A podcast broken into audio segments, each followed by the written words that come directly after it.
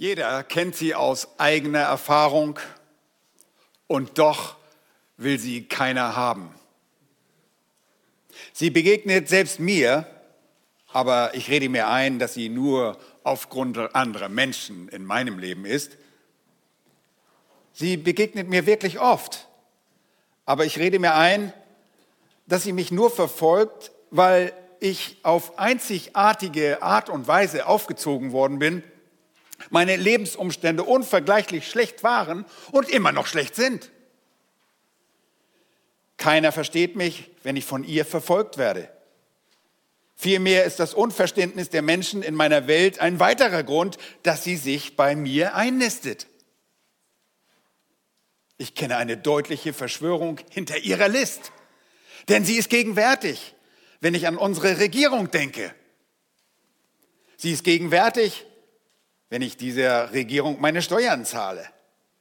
Sie ist gegenwärtig, wenn ich an meine Arbeit und meinen Arbeitgeber und meine Arbeitskollegen denke. Ja, sie ist immer da. Sie ist gegenwärtig, wenn ich an mein Bankkonto denke. Sie ist gegenwärtig, wenn ich an meine Nachbarn denke. Und überhaupt, sie ist gegenwärtig, wenn ich meine primitive Wohnsituation betrachte. Sie ist gegenwärtig, wenn ich an meinen durstigen und unzuverlässigen fahrbaren Untersatz denke. Sie ist sogar gegenwärtig, wenn ich an meinen Ehepartner denke. Warum macht mein Ehepartner nicht, was ich will? Und ich mag kaum davon reden, aber sie ist gegenwärtig, wenn ich an meine eigenen Kinder denke. Hoppla, ich will nichts unterschlagen, denn sie ist auch bei mir gegenwärtig, wenn ich daran denke, dass ich keinen Ehepartner habe oder trotz Ehepartner keine Kinder habe. Sie ist gegenwärtig, wenn ich mich mit anderen vergleiche. Nun, natürlich nur bei den Vergleichen, die ich bevorzuge, Vergleiche, die ich heranziehe. Oh, wie schrecklich groß. Und allgegenwärtig ist sie, wenn mir nicht gelingt, was ich will. Wie schrecklich ist sie, wenn ich nicht bekomme, was ich will? Wie schrecklich ist sie, wenn selbst ein Freund mir dann noch sagt, dass ich sie nicht haben muss? Ich kann doch nichts dafür, oder? Nun, ihr wisst sicherlich schon längst, wovon ich spreche. Ich rede von der scheinbar immer gegenwärtigen, allgegenwärtigen Unzufriedenheit. Sie wird uns mit in die Wiege gegeben. Wehe dem Kindlein, wenn dem Kindlein nicht gleich gegeben wird, was es will, dann ist das Geschrei groß. Ja, wir kennen sie alle. Wir alle kennen sie aus eigener Erfahrung. Unzufriedenheit. Und ihr Lieben, selbst ich stehe hier, heute Morgen kann ich sagen, ohne was Falsches zu sagen, es ist morgen, ist euch das aufgefallen? Wir haben einen Morgengottesdienst. Ich stehe hier nicht, weil ich der Experte von Zufriedenheit bin, weil ich genauso dieser Zufriedenheit nachjage wie ihr. Aber während der Gottlose die Unzufriedenheit wesensmäßig nur durch eine trügerische List bekämpfen kann, so wird uns Kindern Gottes im Kampf gegen diese global verbreitete Seuche dieser Sünde wahre Hilfe angeboten. Und es war so interessant, ihr seht dieses Bild dort, wer immer das auch äh, zusammengestellt hat, so, Tod der Unzufriedenheit, die Luftballon. Ein Luftballon ist sehr empfindlich gegen eine Nadel.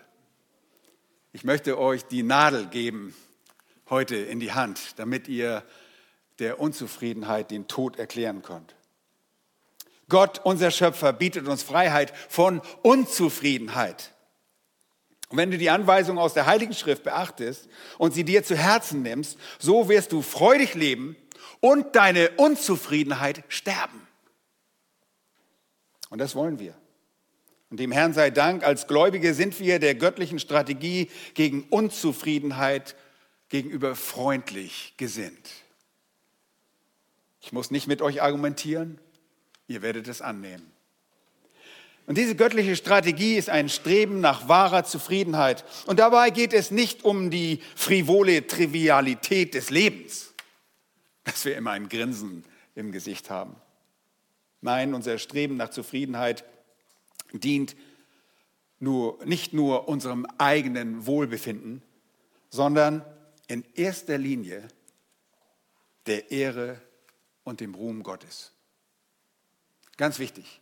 Es geht nicht nur, dass du zufrieden bist und ein schönes Leben führst, sondern unser eigenes Wohlbefinden, unsere Freude dient der Ehre und dem Ruhm Gottes. Gott wird nie mehr geehrt als das, wenn wir Freude haben in ihm.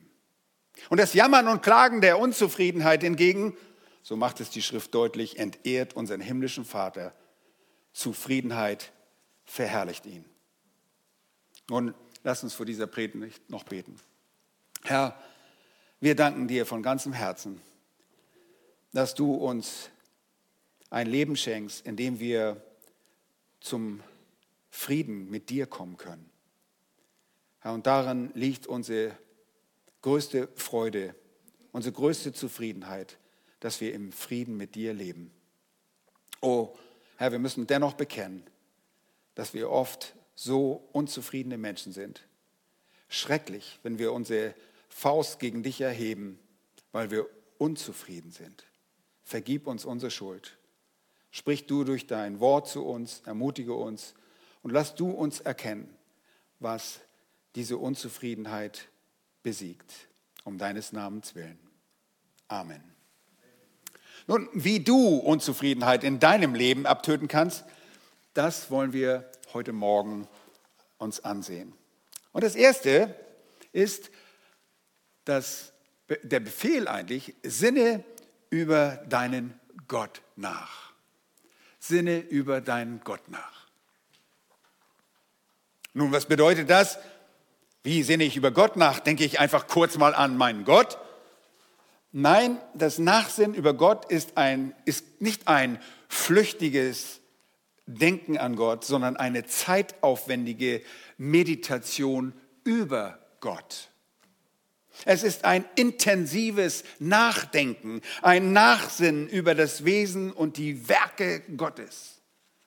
Und bei diesem Nachsinnen rede ich auch mit Gott. Ich rede mit ihm. Ich denke nicht nur einfach abstrakt über irgendeinen Gott, sondern ich rede mit ihm, ich lobe ihn, ich danke ihn und bringe ihm sonst noch alles, was auf meinem Herzen liegt. Nun, was setzt das voraus? Nun, das rechte Nachdenken über Gott setzt voraus, dass du die Schrift kennst, dass du Gott kennst. Das intensive Sinnen über deinen Gott setzt deine Gotteskenntnis voraus. Du musst Gott kennen, eine Erkenntnis Gottes besitzen. Und dieses Nachsinnen über Gott setzt dein persönliches, dein intimes Verhältnis zu ihm voraus. Als Kind Gottes hast du bereits auf Gott gehört. Inwiefern? Du hast Buße getan. Und du hast danach gefragt, was er von dir möchte, aber das Hören und der Gehorsam, er geht weiter. Wenn du jetzt Gott liebst, dann willst du alles über ihn erfahren. Und ein Kind Gottes liebt seinen Gott, weil er uns zuerst geliebt hat. Und wenn du Gott liebst, dann wirst du sein Angesicht aufsuchen und wirst über ihn nachsinnen. Und das kommt durch ein, zunächst einmal durch ein Hinhören, das Lesen der Heiligen Schrift. Nun, dort erkennst du Gott. Denn in der Schrift zeigt sich Gott dir im Detail. Oh ja, du kannst ihn auch in der Schöpfung erkennen, denn Gott hat sich dir zu erkennen gegeben, du weißt, es ist seine Schöpfung, aber in der Schöpfung findest du keine Detail darüber, was Gott wohlgefällig ist. Du liest in der Schöpfung nichts über den Willen Gottes. Für ein genaues Kennen Gottes musst du die, die Schrift vor Augen führen. Du musst sie lieb haben. Und zwar, dass du sie regelmäßig und intensiv studierst. Gott will deine Zeit. In der Heiligen Schrift erfährst du von Gottes Wesen und seinen Werken. Sowohl Gottes Wesen, seine Vollkommenheiten und seine Handlungen müssen Inhalt deiner Gottesmeditation werden. Und zwar immer dann, wenn die Bibel nicht aufgeschlagen ist. Und das kommt häufig vor. Ob das am Arbeitsplatz ist, oder in einer durchwachten Nacht, weil man vor Schmerzen oder anderen Gründen vielleicht nicht schlafen konnte. Du kannst über Gott nachdenken. Du kannst dich entscheiden, über Gott nachzudenken. Und wir lassen unsere Gedanken beim Nachsehen über Gott nicht irgendwie freien Lauf. Wir binden uns an das geoffenbarte Wort der Bibel, statt in nutzlosen Träumereien zu philosophieren. Ach, so könnte mein Gott sein. Und das könnte er mir noch schenken. Und das könnte er noch tun für mich. Und nein, wir denken das, was Gott uns an Gedanken vorgegeben hat. Wir denken seine Gedanken nach. Und die finden wir einzig und allein in der Bibel. Das ist also die Voraussetzung, dass wir Gott kennen. Das Sinnen über deinen Gott wird zu jeder Zeit deines Wachstumszustandes möglich sein, auch in schlaflosen Nächten. Und das lesen wir in der, Schrift, dass auch in der Nacht Gott in den Gedanken der Psalmisten ist. Gott muss dein Denken einnehmen. Jesus muss die Priorität deiner Denkvorgänge vollkommen beherrschen. Wir denken nicht nur am Sonntag während der Predigt an Gott und gehen nach Hause und der Rest der Woche, naja, morgens lese ich noch fünf Minuten meine Bibel und dann wird mir Gott sicherlich Gutes tun. Oh nein, gefehlt. Gott will dein ganzes Leben. Er will deine Zeit. Und wann auch immer du in deinem Denken passiv wirst und nicht deinen Retter beachtest, hat das verheerende Konsequenzen sowohl für dich als auch für die Ehre Gottes. Denn dann fangen wir an, dieses Denkvakuum mit anderen Dingen zu füllen. Und der Feind nutzt das, um dich mit seinen Gedanken zu bemühen. Sein Denken hatte schon die ganze Menschheit unter den Fluch Gottes gebracht. Und Satan hat seine Strategie seitdem nicht geändert. Erinnert ihr euch an Eva? Oh, die Frucht sah gut aus. Die habe ich nicht. Unzufriedenheit. Oh, ich habe all das andere, aber ich habe nicht diese Frucht. Unzufriedenheit. Eva dachte nicht an das, was Gott sagte. Unzufriedenheit mit dem, was Eva hatte, war nicht nur für sie und ihrem Manne allein todbringend, eine ganze Menschheit stürzte ins Verderben. Seither ist der Mensch von Natur aus Sünder und deshalb auch von Grund auf unzufrieden.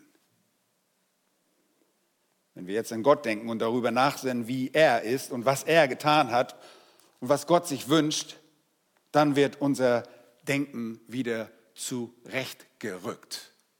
Wir haben es in der Schrift gelesen und wir erinnern uns daran. Wir führen uns das in unserem geistigen Auge zu, was wir gelesen haben, was wir von Gott wissen. Wir erinnern uns, was er uns Gutes getan hat. Wir rufen diese Dinge in unser Bewusstsein. Dein Denken wird dann mit den rechten Dingen gefüllt. Und ihr Lieben, wir können uns dafür entscheiden. Im Philipperbrief mahnt der Apostel Paulus die Philipper, und sagt er in Kapitel 4, wir kennen diesen Vers sehr gut hier in dieser Gemeinde, im Übrigen, ihr Brüder, alles, was wahrhaftig, was ehrbar, was gerecht, was rein, was liebenswert, was wohltun ist, was irgendeine Tugend oder irgendetwas lobenswert ist, darauf seid bedacht oder das erwägt, darüber denkt nach. Wir entscheiden uns also in einem Moment an Gott zu denken, wie er ist, was ihn ausmacht, seine Vollkommenheiten, sein ganzes Wesen und was er getan hat. Allem voraus natürlich seine wunderbare Gnade, die wir bereits schon erfahren haben. Sonst würden wir nicht an unseren Gott denken. Nun, wenn wir jetzt an Gott denken und darüber nachsehen, wie er ist und was er getan hat und was sich Gott wünscht, dann wird unser Denken zurechtgerückt. Den ganzen Tag werden wir bombardiert von allen möglichen Einflüssen, werden fortgerissen in unserem Denken, sind oftmals dabei, wie die Welt zu denken. Und wir müssen sagen, stopp, sinne über deinen Gott nach. Dein Denken muss mit den richtigen Dingen gefüllt werden. Und dazu fällt mir ein Wort von Charles Haddon Spurgeon ein, der einmal von äh, zwei Eimern berichtete. Ihr habt ganz recht gehört, von zwei Eimern.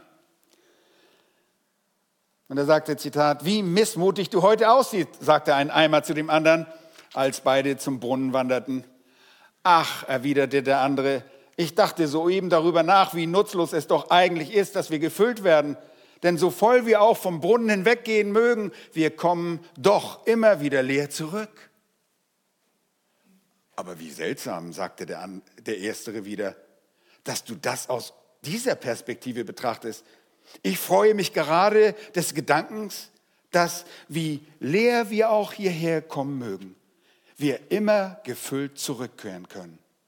Betrachte dich doch in diesem Lichte, dann wirst du ebenso freudig sein können, wie ich es bin. Ist es nicht so? Oft sind wir leer, wenn wir durch den Tag gehen und wir kommen zum Wort Gottes und Gott füllt uns. Mir ging es oft so, ich erinnere mich an meine Seminarzeit besonders und in der Seminarzeit, da ist man nicht nur heilig, weil da muss man auch Vokabeln lernen und da kann man ganz schön ungeduldig werden, wenn man Vokabeln lernt. Aber ich habe immer gedacht, ich kam oftmals so leer in den Gottesdienst als Seminarstudent. Und ich kam so leer und wurde gefüllt durch das Wort Gottes, weil ich an meinen Gott denken konnte, in einer intensiven Art und Weise, wie ich das in der Woche nicht tat. Mir geht es oft so, wenn ich mich mit Gottes Wort fülle, dann weichen die leeren und nichtigen Gedanken dieser Welt. Deshalb sinne über deinen Gott nach. Johannes schrieb in 1. Johannes 2, Vers 16 und 17, alles, was in der Welt ist, die Fleischeslust und die Augenlust und der Hochmut des Lebens, das ist nicht von dem Vater, sondern von der Welt und die Welt vergeht und in ihrer Lust. Wer aber den Willen Gottes tut, der bleibt in Ewigkeit. Denk an deinen Gott. Deshalb betete der Psalmist auch im Psalm 119, Vers 37, halte meine Augen davon ab, nach Nichtigen zu schauen, belebe mich nach deinen Wegen. Sinne nach über deinen Gott. Entscheide dich, wenn du wach liest, wenn du freie Zeit hast, lass dieses Vakuum niemals durch andere Dinge gefüllt werden als durch deinen Gott. Gottes Wege sind es, wenn wir nicht nur die Schrift lesen, sondern auch darüber nachdenken, über unseren Gott selbst nachdenken. Und diese intensive Vereinnahmung von Gott und deine Beschäftigung mit Gott wirkt als das Gegenmittel der Unzufriedenheit. Ihr Lieben, wir kommen niemals und stehen auf, nachdem wir die Schrift lesen oder nach Gott, an Gott gedacht haben, dass du unzufrieden bist. Es sei denn, du hast eine falsche Hermeneutik, du liest die, die Schrift irgendwie verkehrt. Aber niemals, wenn du dich mit Gott beschäftigst, wirst du unzufrieden aufstehen und sagen, oh, wie schrecklich das Wort Gottes ist. Nein, wir lieben Gott und sein Wort.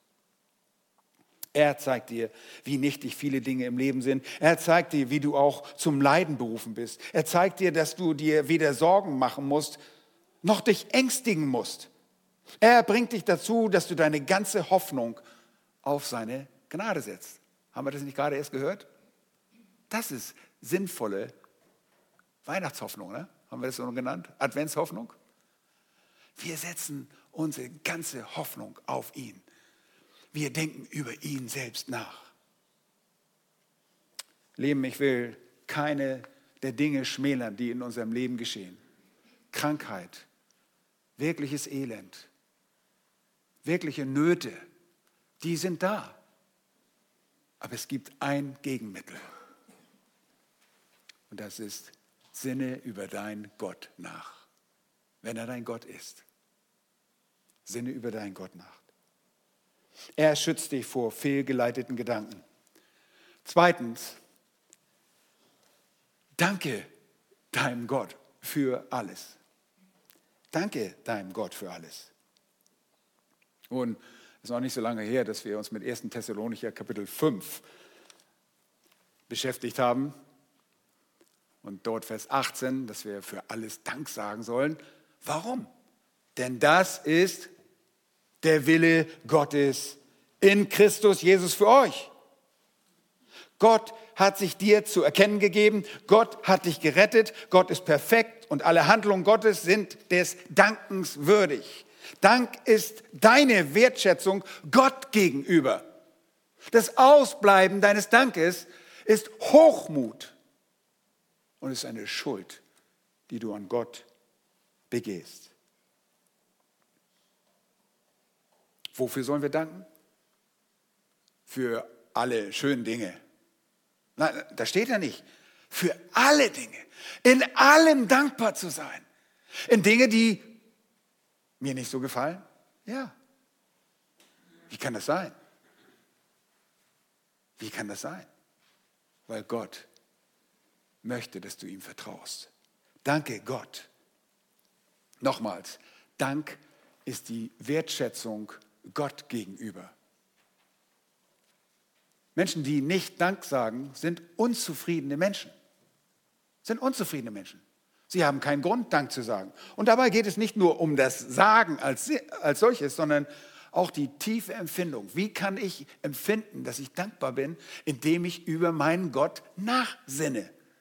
Indem ich daran denke, was er getan hat. Wenn du hier als Kind Gottes sitzt, hast du Grund, bis in alle Ewigkeit Danke zu sagen. Denn Gnade ist eine unverdiente Gunst.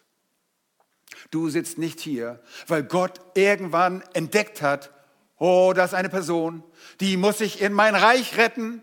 Wenn ich diese Person nur habe, dann werde ich glücklich sein im Himmel. Nein, Gott ist zufrieden. Er ist der Selbstgenügsame.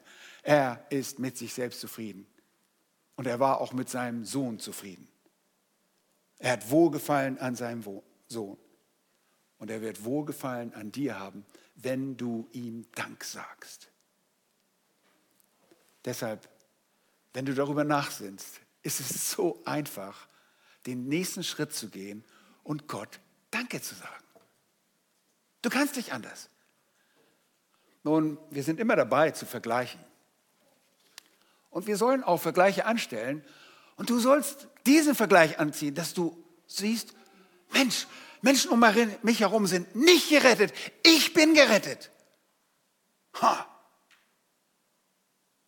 Was habe ich bloß getan? Nichts hast du getan. Gott hat alles getan.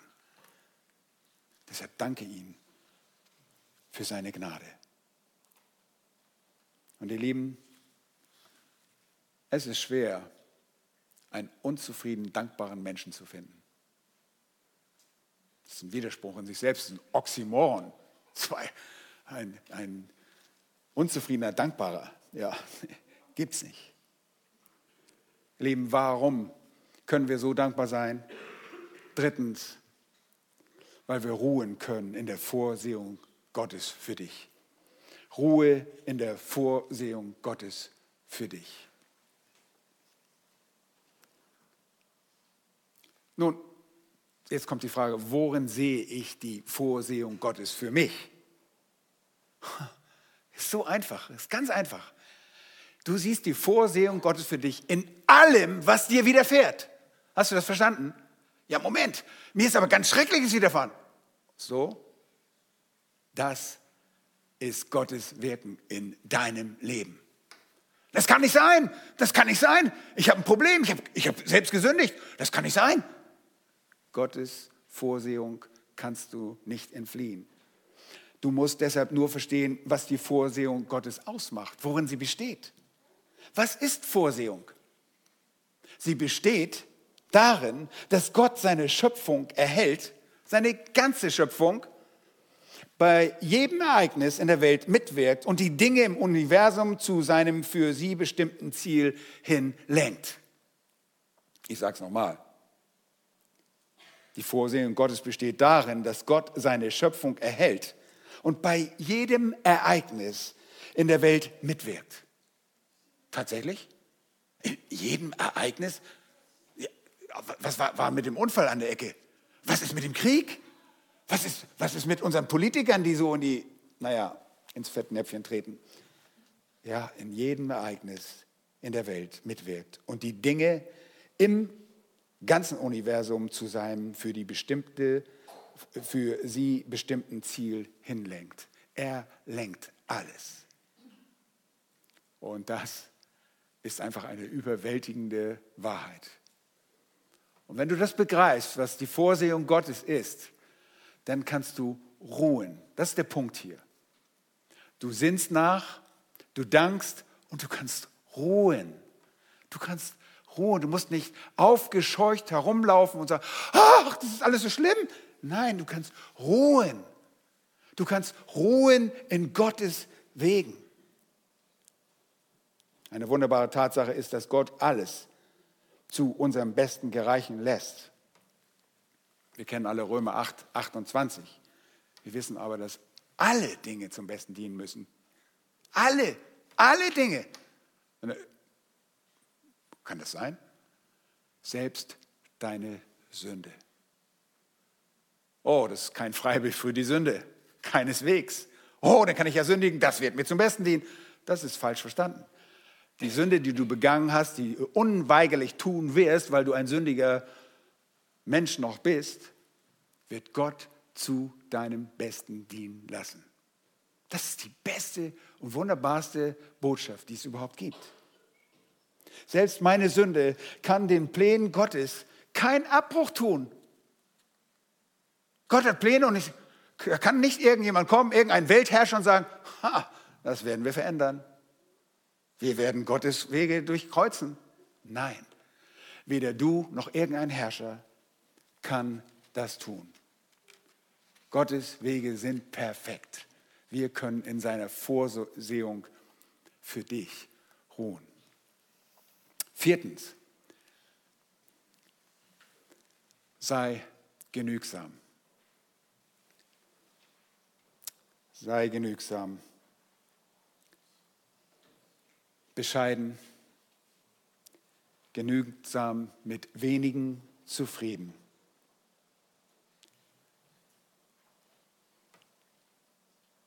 Der deutsche Philosoph Berthold Auerbach sagte einmal, wer nicht mit dem zufrieden ist, was er hat, der wäre auch nicht mit dem zufrieden, was er haben möchte.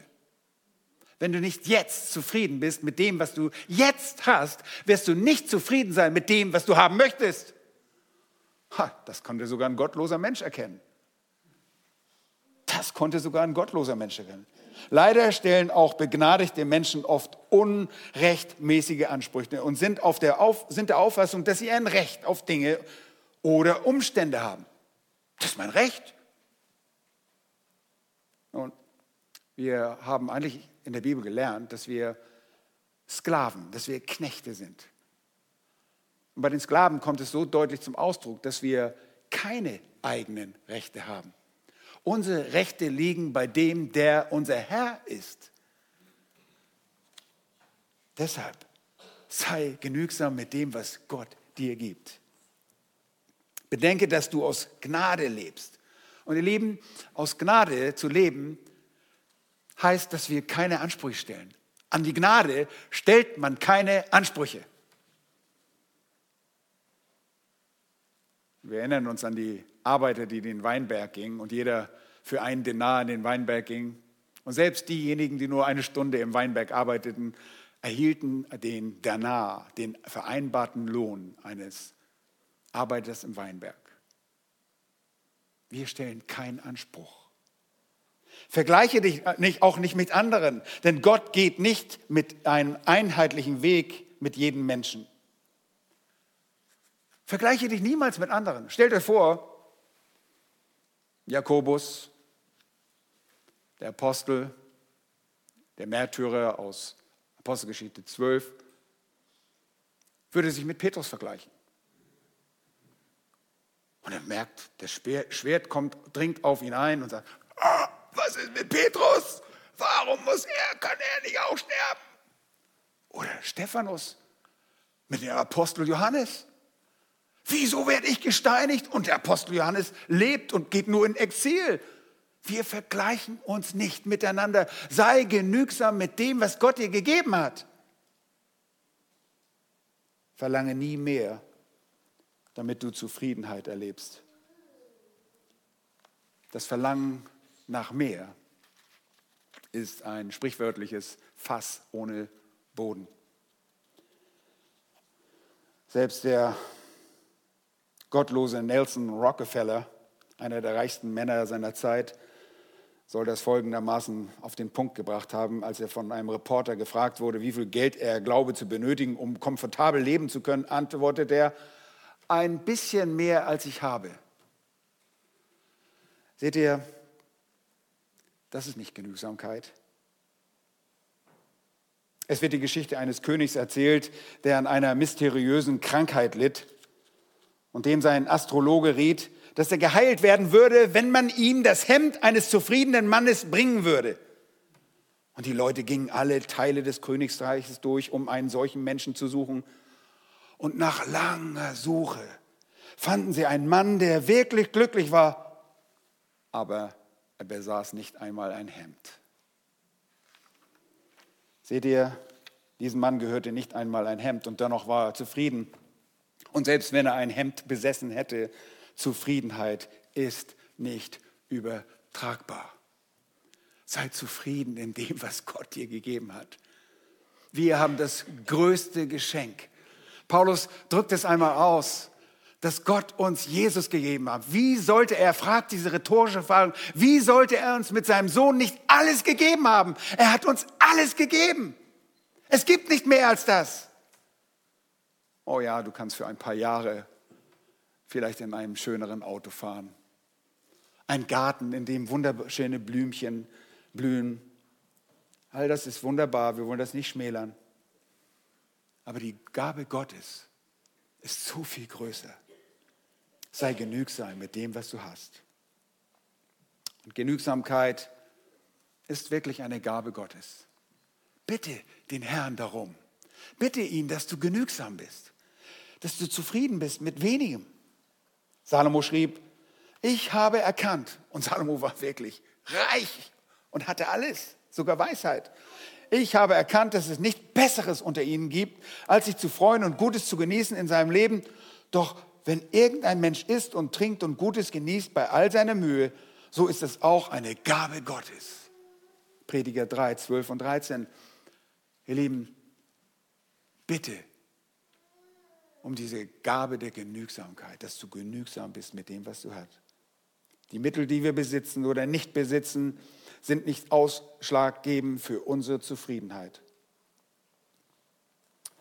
Einer der Puritaner schrieb einmal sehr richtig und einsichtsvoll, Zufriedenheit entsteht nicht dadurch, dass wir unseren Umständen etwas hinzufügen, sondern dadurch, dass wir etwas von unseren Wünschen abziehen.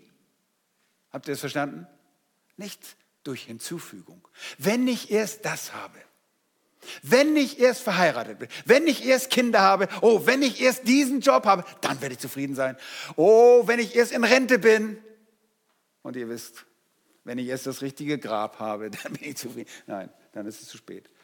Jetzt Jetzt ist der Punkt, wo wir in Christus, unserem Gott, zufrieden sein können. Nicht morgen, nicht später und nicht durch andere Mittel, nicht durch Täuschung. Der Schlüssel zur Zufriedenheit liegt darin, unsere Wünsche mit Gottes Willen zu vereinen. Und im 1. Timotheus Brief schreibt Paulus seinem geliebten Sohn im Glauben und verdeutlicht ihm, dass die Gottesfurcht eine große Bereicherung ist, wenn sie mit Genügsamkeit verbunden wird. Autarkis, wir haben das Wort autark, selbstgenügsam. Wenn sie womit verbunden ist? Gottesfurcht mit Genügsamkeit. Wenn ich sage, oh, das, was ich habe, es reicht, es reicht. Denn, so fährt Paulus fort, wir haben nichts in die Welt hineingebracht. Und es ist klar, dass wir auch nichts hinausbringen können. Mein Vater sagte immer wieder zu mir, Dieter, das letzte Hemd hat keine Taschen. Du kannst nichts mitnehmen. Gib. Gib weg. Du kannst nichts mitnehmen. Und wenn wir Nahrung und Kleidung haben, sagt Paulus, soll uns das genügen. Wir brauchen nicht mehr als das. Und Gott wird uns so versorgen. Sei bescheiden, genügsam, mit wenigen zufrieden.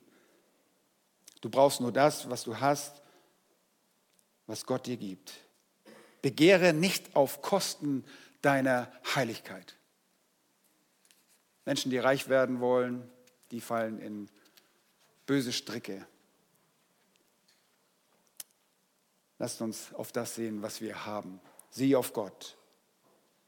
Denn er wird dir geben, was dein Herz begehrt, wenn sich dein Willen in den Sein fügt. Das sagt die Schrift. Er wird dir alles geben, was dein Herz begehrt. Oh, also doch, dann kann ich ja doch alles begehren. Ja, wenn du deinen Willen in den Sein einfügst, kannst du begehren, was du willst. Und du wirst alles bekommen. Ist das nicht wunderbar? Und der Punkt ist, füge deinen Willen in Gottes Willen ein.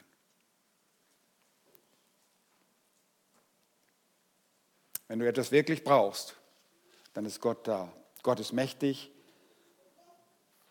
Der wird euch jede Gnade im Überfluss spenden, sodass ihr in allem, alle Zeit, alle Genüge habt und überreich seid zu jedem guten Werk, sagt Paulus in 2. Korinther 9, Vers 8. Zugegeben, Zufriedenheit ist nicht ein Zustand, in den wir ein für alle Mal hineinversetzt werden. Wäre das nicht schön? Es ist nicht so und es soll auch nicht so sein, sonst hätte Gott das gleich so gemacht. Er ist an deine Hingabe an den Herrn geknüpft. Die Zufriedenheit ist an die Hingabe an deinen Herrn geknüpft. Ganz wie all die anderen Tugenden deiner Nachfolge. Wie oft habe ich leider aufgrund meiner Unzufriedenheit, was letztlich meine Unzufriedenheit mit Gott ist, gesündigt. Oh, schrecklich. Ich mag nicht mal an diese Unzufriedenheiten denken und was sie verursachen. Unzufriedenheit ist ein schlechter Ratgeber und entehrt Gott. Die nicht richtig bekämpfte Unzufriedenheit führt zum Zorn und festgesetzt im Innern des Menschen führt sie zur Verbitterung. So wie Asaf es zugab, als er schrieb im Psalm 73.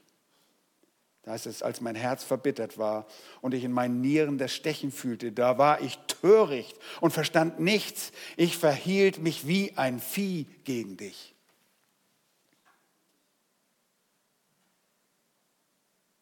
Wir wissen sprichwörtlich, du bist dumm wie ein Schaf. Wir Menschen sind manchmal dumm wie Schafe. Aber das müssen wir nicht sein.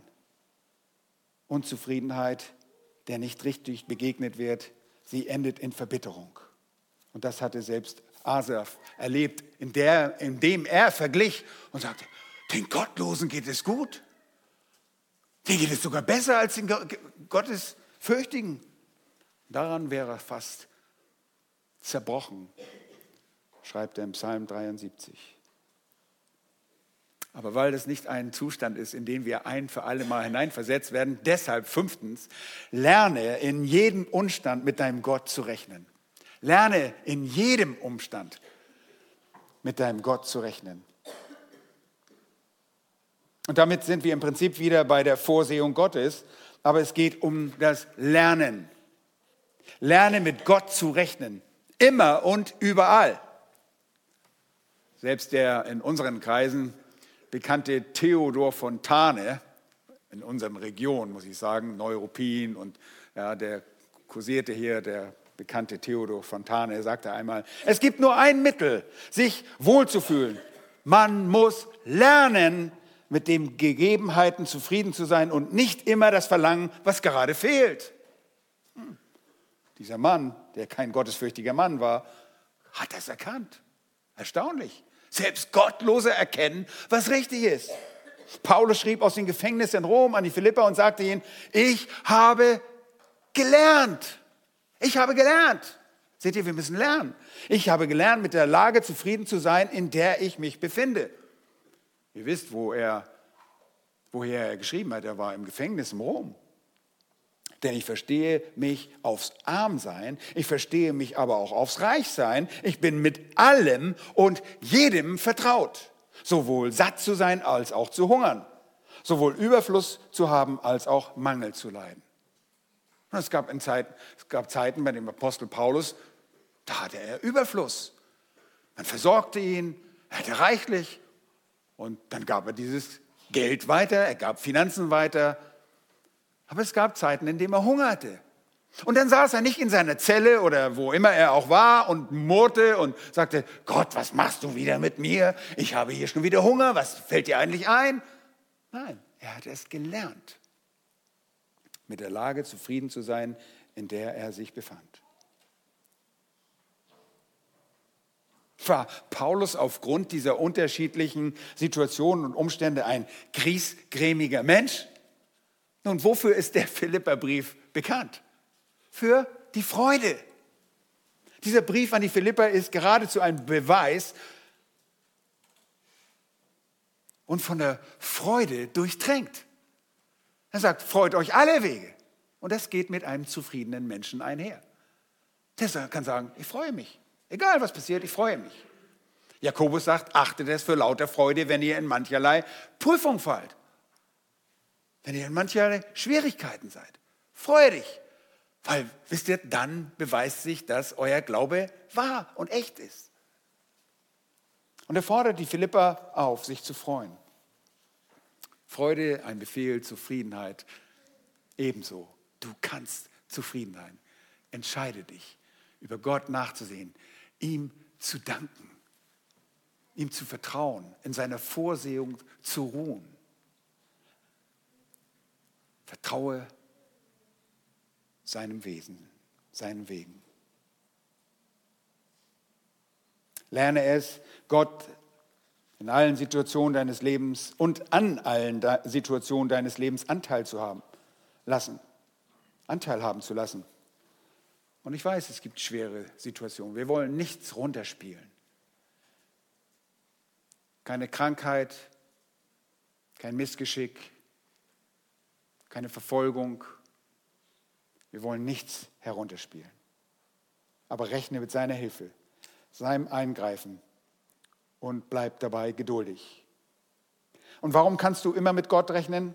Weil er nicht nur den Willen hat, sondern auch die Macht besitzt, in jeder Situation zu tun, was nötig ist. Deshalb lerne es, mit Gott zu rechnen. Er ist immer da. Und sechstens, vertraue der Macht Gottes. Wir wollten unserem Gott nicht vertrauen, wenn er nicht mächtig genug wäre. Und wenn wir dabei sind, am Anfang über unseren Gott nachzusinnen, über unseren Gott nachzudenken, über sein Wesen, dann wissen wir, dass er allmächtig ist, dass er allgegenwärtig ist. Und ihr wisst ja, warum Nachsinnen so wichtig ist? Weil das Nachsinnen die Verdauung dessen ist, was wir gehört und gelesen haben. Ihr Lieben, wir gehen oft nach Hause, wir können eine Predigt gar nicht verarbeiten, weil wir nicht über das Gehörte nachsinnen und nachdenken. Wir sitzen hier für 60 Minuten, wenn Daniel predigt 70, äh, wenn ich nur 50, haben wir einen Seitenhieb gegeben. Nein, wir sitzen hier ein paar Minuten und wir denken nicht über das Wort nach. Wir müssen dieses Wort mitnehmen und das war eine sehr gute Hilfe, Daniel, dass wir in der Woche eine Aufgabe hatten, uns um nochmal mit diesem Text zu beschäftigen.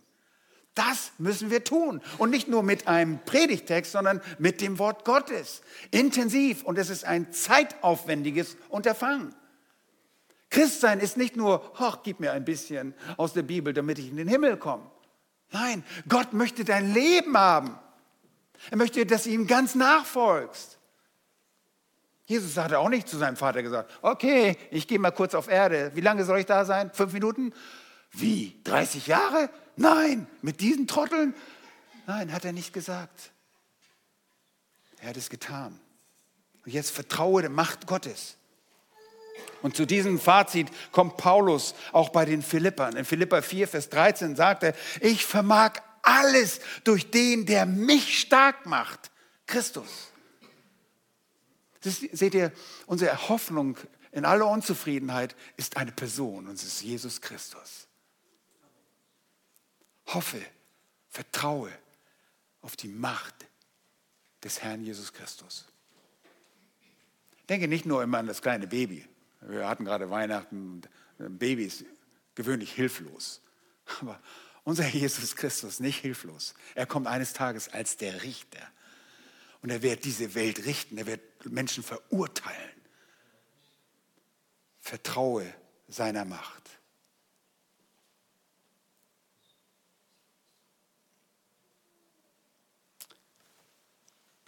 In einem Psalm von David heißt es, Psalm 131, ein Wallfahrtslied von David. Jahwe, mein Herz ist nicht hochmütig und meine Augen sind nicht stolz. Ich gehe nicht mit Dingen um, die mir zu groß und zu wunderbar sind. Nein, ich habe meine Seele beruhigt und gestillt. Wie ein entwöhntes Kind bei seiner Mutter. Wie ein entwöhntes Kind ist meine Seele still in mir. Zufriedenheit drückt es aus, weil er Jahwe kennt. Und jetzt fordert er auf Israel, hoffe auf Jahwe von nun an bis in Ewigkeit. Vertraue deinem Gott.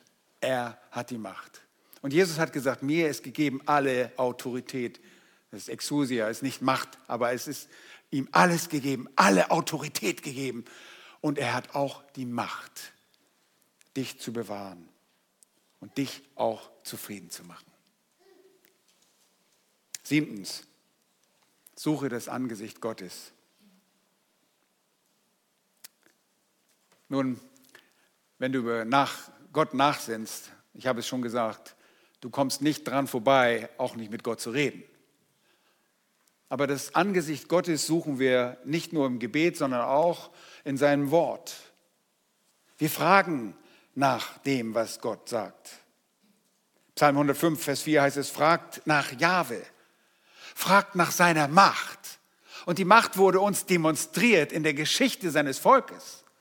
Mit großen und starken Armen hat er sein Volk aus Ägypten befreit.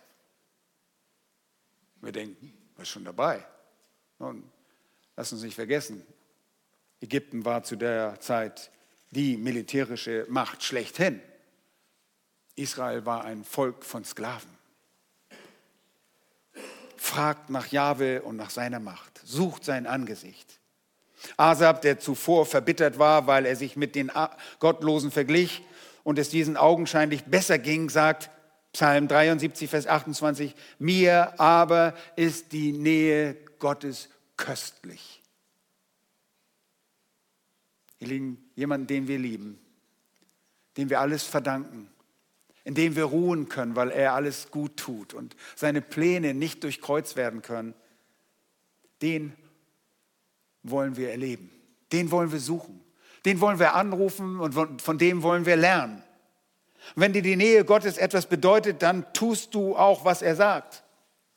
Und ihr Lieben, Gehorsam ist das Kennzeichen eines zufriedenen Menschen. Für zufriedene Gotteskinder. Und damit dich in deinem Leben keine Fehltritte begleiten, suche Gottes Angesicht. Frage nach, was er sagt.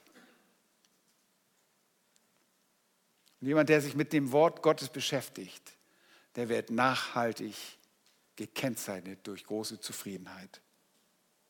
Wir sind lediglich unzufrieden mit unserer Sünde, die wir gerne loswerden wollen. Aber auch das wird Gott eines Tages bewerkstelligen, wenn wir frei sind, auch von der Gegenwart der Sünde.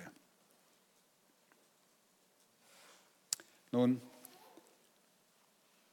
wenn du Gottes Angesicht suchst, dann erfährst du auch, was noch ein Gegenmittel für Unzufriedenheit ist. Und das ist der achte Punkt diene deinem Gott und den Menschen. Seht ihr, wenn wir untätig herumsitzen, so wenn so ist es auch in unserem Staat, wenn Arbeitslose untätig herumsitzen, sind sie dem Staat sehr teuer. Arbeitslose kosten dem Staat sehr, sehr viel Geld. Nicht, weil sie irgendwelche Sozialgelder erhalten, sondern weil sie, wenn sie Langeweile haben, dumme Dinge tun. Wer nicht tut, was Gott sagt, wer nicht tut, was Gott sagt, der wird dumme Dinge tun. Müßiggang. Wir kennen den Müßiggang des Davids, als er nicht mit in den Krieg ging seines Volkes und sich an Bathseba und Gott versündigte durch Bathseba. Diene deinem Gott. Psalm 2, Vers 11 heißt es, dient Jahwe mit Furcht und frohlockt mit Zittern. Und Paulus schreibt den Philippern, da wir uns bei den Philippern aufgehalten haben, in Kapitel 4, Vers 10, ich habe mich sehr gefreut im Herrn, dass ihr euch wieder so weit erholt habt, um für mich zu sorgen zu können. Seht ihr, die Philipper waren damit besorgt, dem Paulus zu dienen. Ihr habt das auch sonst daran gedacht, aber ihr wart nicht in der Lage dazu. Das ist eine andere Sache. Aber sie dienten ihrem Gott. Wisst ihr, du dienst deinem Gott, indem du deinen Geschwistern dienst. Jesus sagte, was immer ihnen, ihr einen dieser meiner geringsten Brüder getan habt, das habt ihr mir getan. In Matthäus 25, Vers 40. Diene. Dazu sind wir berufen. Ein jener diene mit der Gabe, die er von Gott empfangen hat. Und deshalb ist die Gemeinde auch eine Dienstgemeinschaft. Wir sind alle tätig. Wir tun einander Handreichung. Und es gibt unterschiedlich. Vergleiche dich nicht mit dem, der eine andere Gabe hat und sagt, oh, ich bin nicht so viel, ich bin ja, oh, ich bin total unzufrieden, ich kann nicht das machen und deshalb mache ich das nicht. Nein, diene, du kannst dienen. Jeder kann dienen. Du kannst deinen Geschwistern dienen. Und ihr Lieben, das ist ein Anti, ein Gegenmittel gegen Unzufriedenheit und die Entehrung Gottes. Wir ziehen uns nicht zurück und sagen, ah nein, ja, ist, ich bin so unzufrieden, ich bin mit der Gemeinde unzufrieden, ich bin mit den Geschwistern unzufrieden, ich will das nicht, warum macht ihr das nicht so? Und immer, wisst ihr was? Wenn es, wenn es so in deinem Leben ist, dann tust du mir sehr leid. Und leider sind wir oft sehr unzufriedene Menschen. Und deshalb neuntens ist es wichtig, reinige dich von deiner Sünde, besonders der Sünde der Unzufriedenheit. Denn Unzufriedenheit bringt häufig Zorn hervor. Und Zorn, ihr Lieben, ist kein guter Ratgeber. Der Zorn eines Mannes bewirkt nicht die Gerechtigkeit Gottes, sagt Jakobus. Und ein festgesetzter Zorn ist schlimm. Er ist Verbitterung. Wir erinnern uns, dass Daniel uns vor einigen Monaten ein Lied zum Zufriedensein, erinnert euch daran? Psalm 63, als David in der Wüste war. Und wie er selbst sagte, dass die Gegenwart Gottes ihn so satt gemacht hat wie ein, ein Festmahl von Fett und Mark. Seine Seele war gesättigt, einfach in der Gegenwart unseres Gottes. Reinige dich, damit du deinem Gott begegnen kannst. Damit Gott sich nicht von dir abwendet. Damit du ihn nicht entehrst. Und wenn du das tust, dann wirst du diese tiefe Zufriedenheit empfinden in deinem Leben. Egal, was deine Umstände sind. Es sind schwierige Umstände, wir wissen das, wir wollen die nicht schmälern, aber du wirst dankbar sein. Du wirst ruhen können. Denn du weißt, ein mächtiger Gott wacht über dir, hat seine Hand in deinem Leben. Es geschieht nichts, was nicht Gott in deinem Leben will. Du bist sein Kind. Und wie wir wissen, Eltern sorgen sich ganz besonders um ihre Kinder. Und Gott tut es auch. Nun, ein Puritaner setzte sich zum Essen hin und stellte fest, dass er nur ein wenig Brot und etwas Wasser hatte. Dahin rief er aus, was? All das und auch noch Jesus Christus, das ist ein zufriedener Mensch. Möge der Herr euch Gnade schenken, dass ihr zufrieden und zur Ehre Gottes lebt.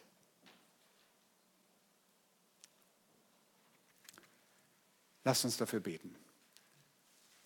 Herr, wir müssen erkennen, dass wir nicht nur kleine Sünder sind, sondern große Sünder sind. Und gerade in Bezug auf unsere Zufriedenheit, oh Herr, wie machen wir uns oft Dinge vor? Und wir suchen einen Ersatz für die Lehre in unserem Leben, die du doch füllen solltest. Jesus Christus, du bist der Einzige, der uns zufrieden und fröhlich in dir machen kann, der uns so machen kann, dass wir für dich leben. Herr, ein Leben für dich. Das ist die sinnvollste Beschäftigung, die sinnvollste Berufung.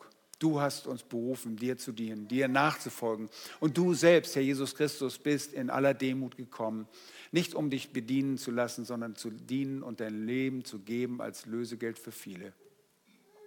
Danke, dass du, lieber Vater, auch zufrieden warst mit deinem Sohn und es zum Ausdruck gebracht hast, dass du deine Stimme hast hören lassen, dass du deinen Sohn auferweckt hast aus den Toten und bestätigt hast, dass du Wohlgefallen an ihm hattest, dass du zufrieden warst. Du bist zufriedengestellt worden durch das einmalige Opfer deines Sohnes, denn dein Sohn allein war gerecht. Wir danken dir.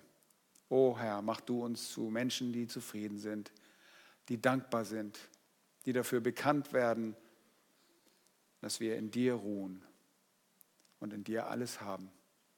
Das bete ich um deines Namens willen. Amen.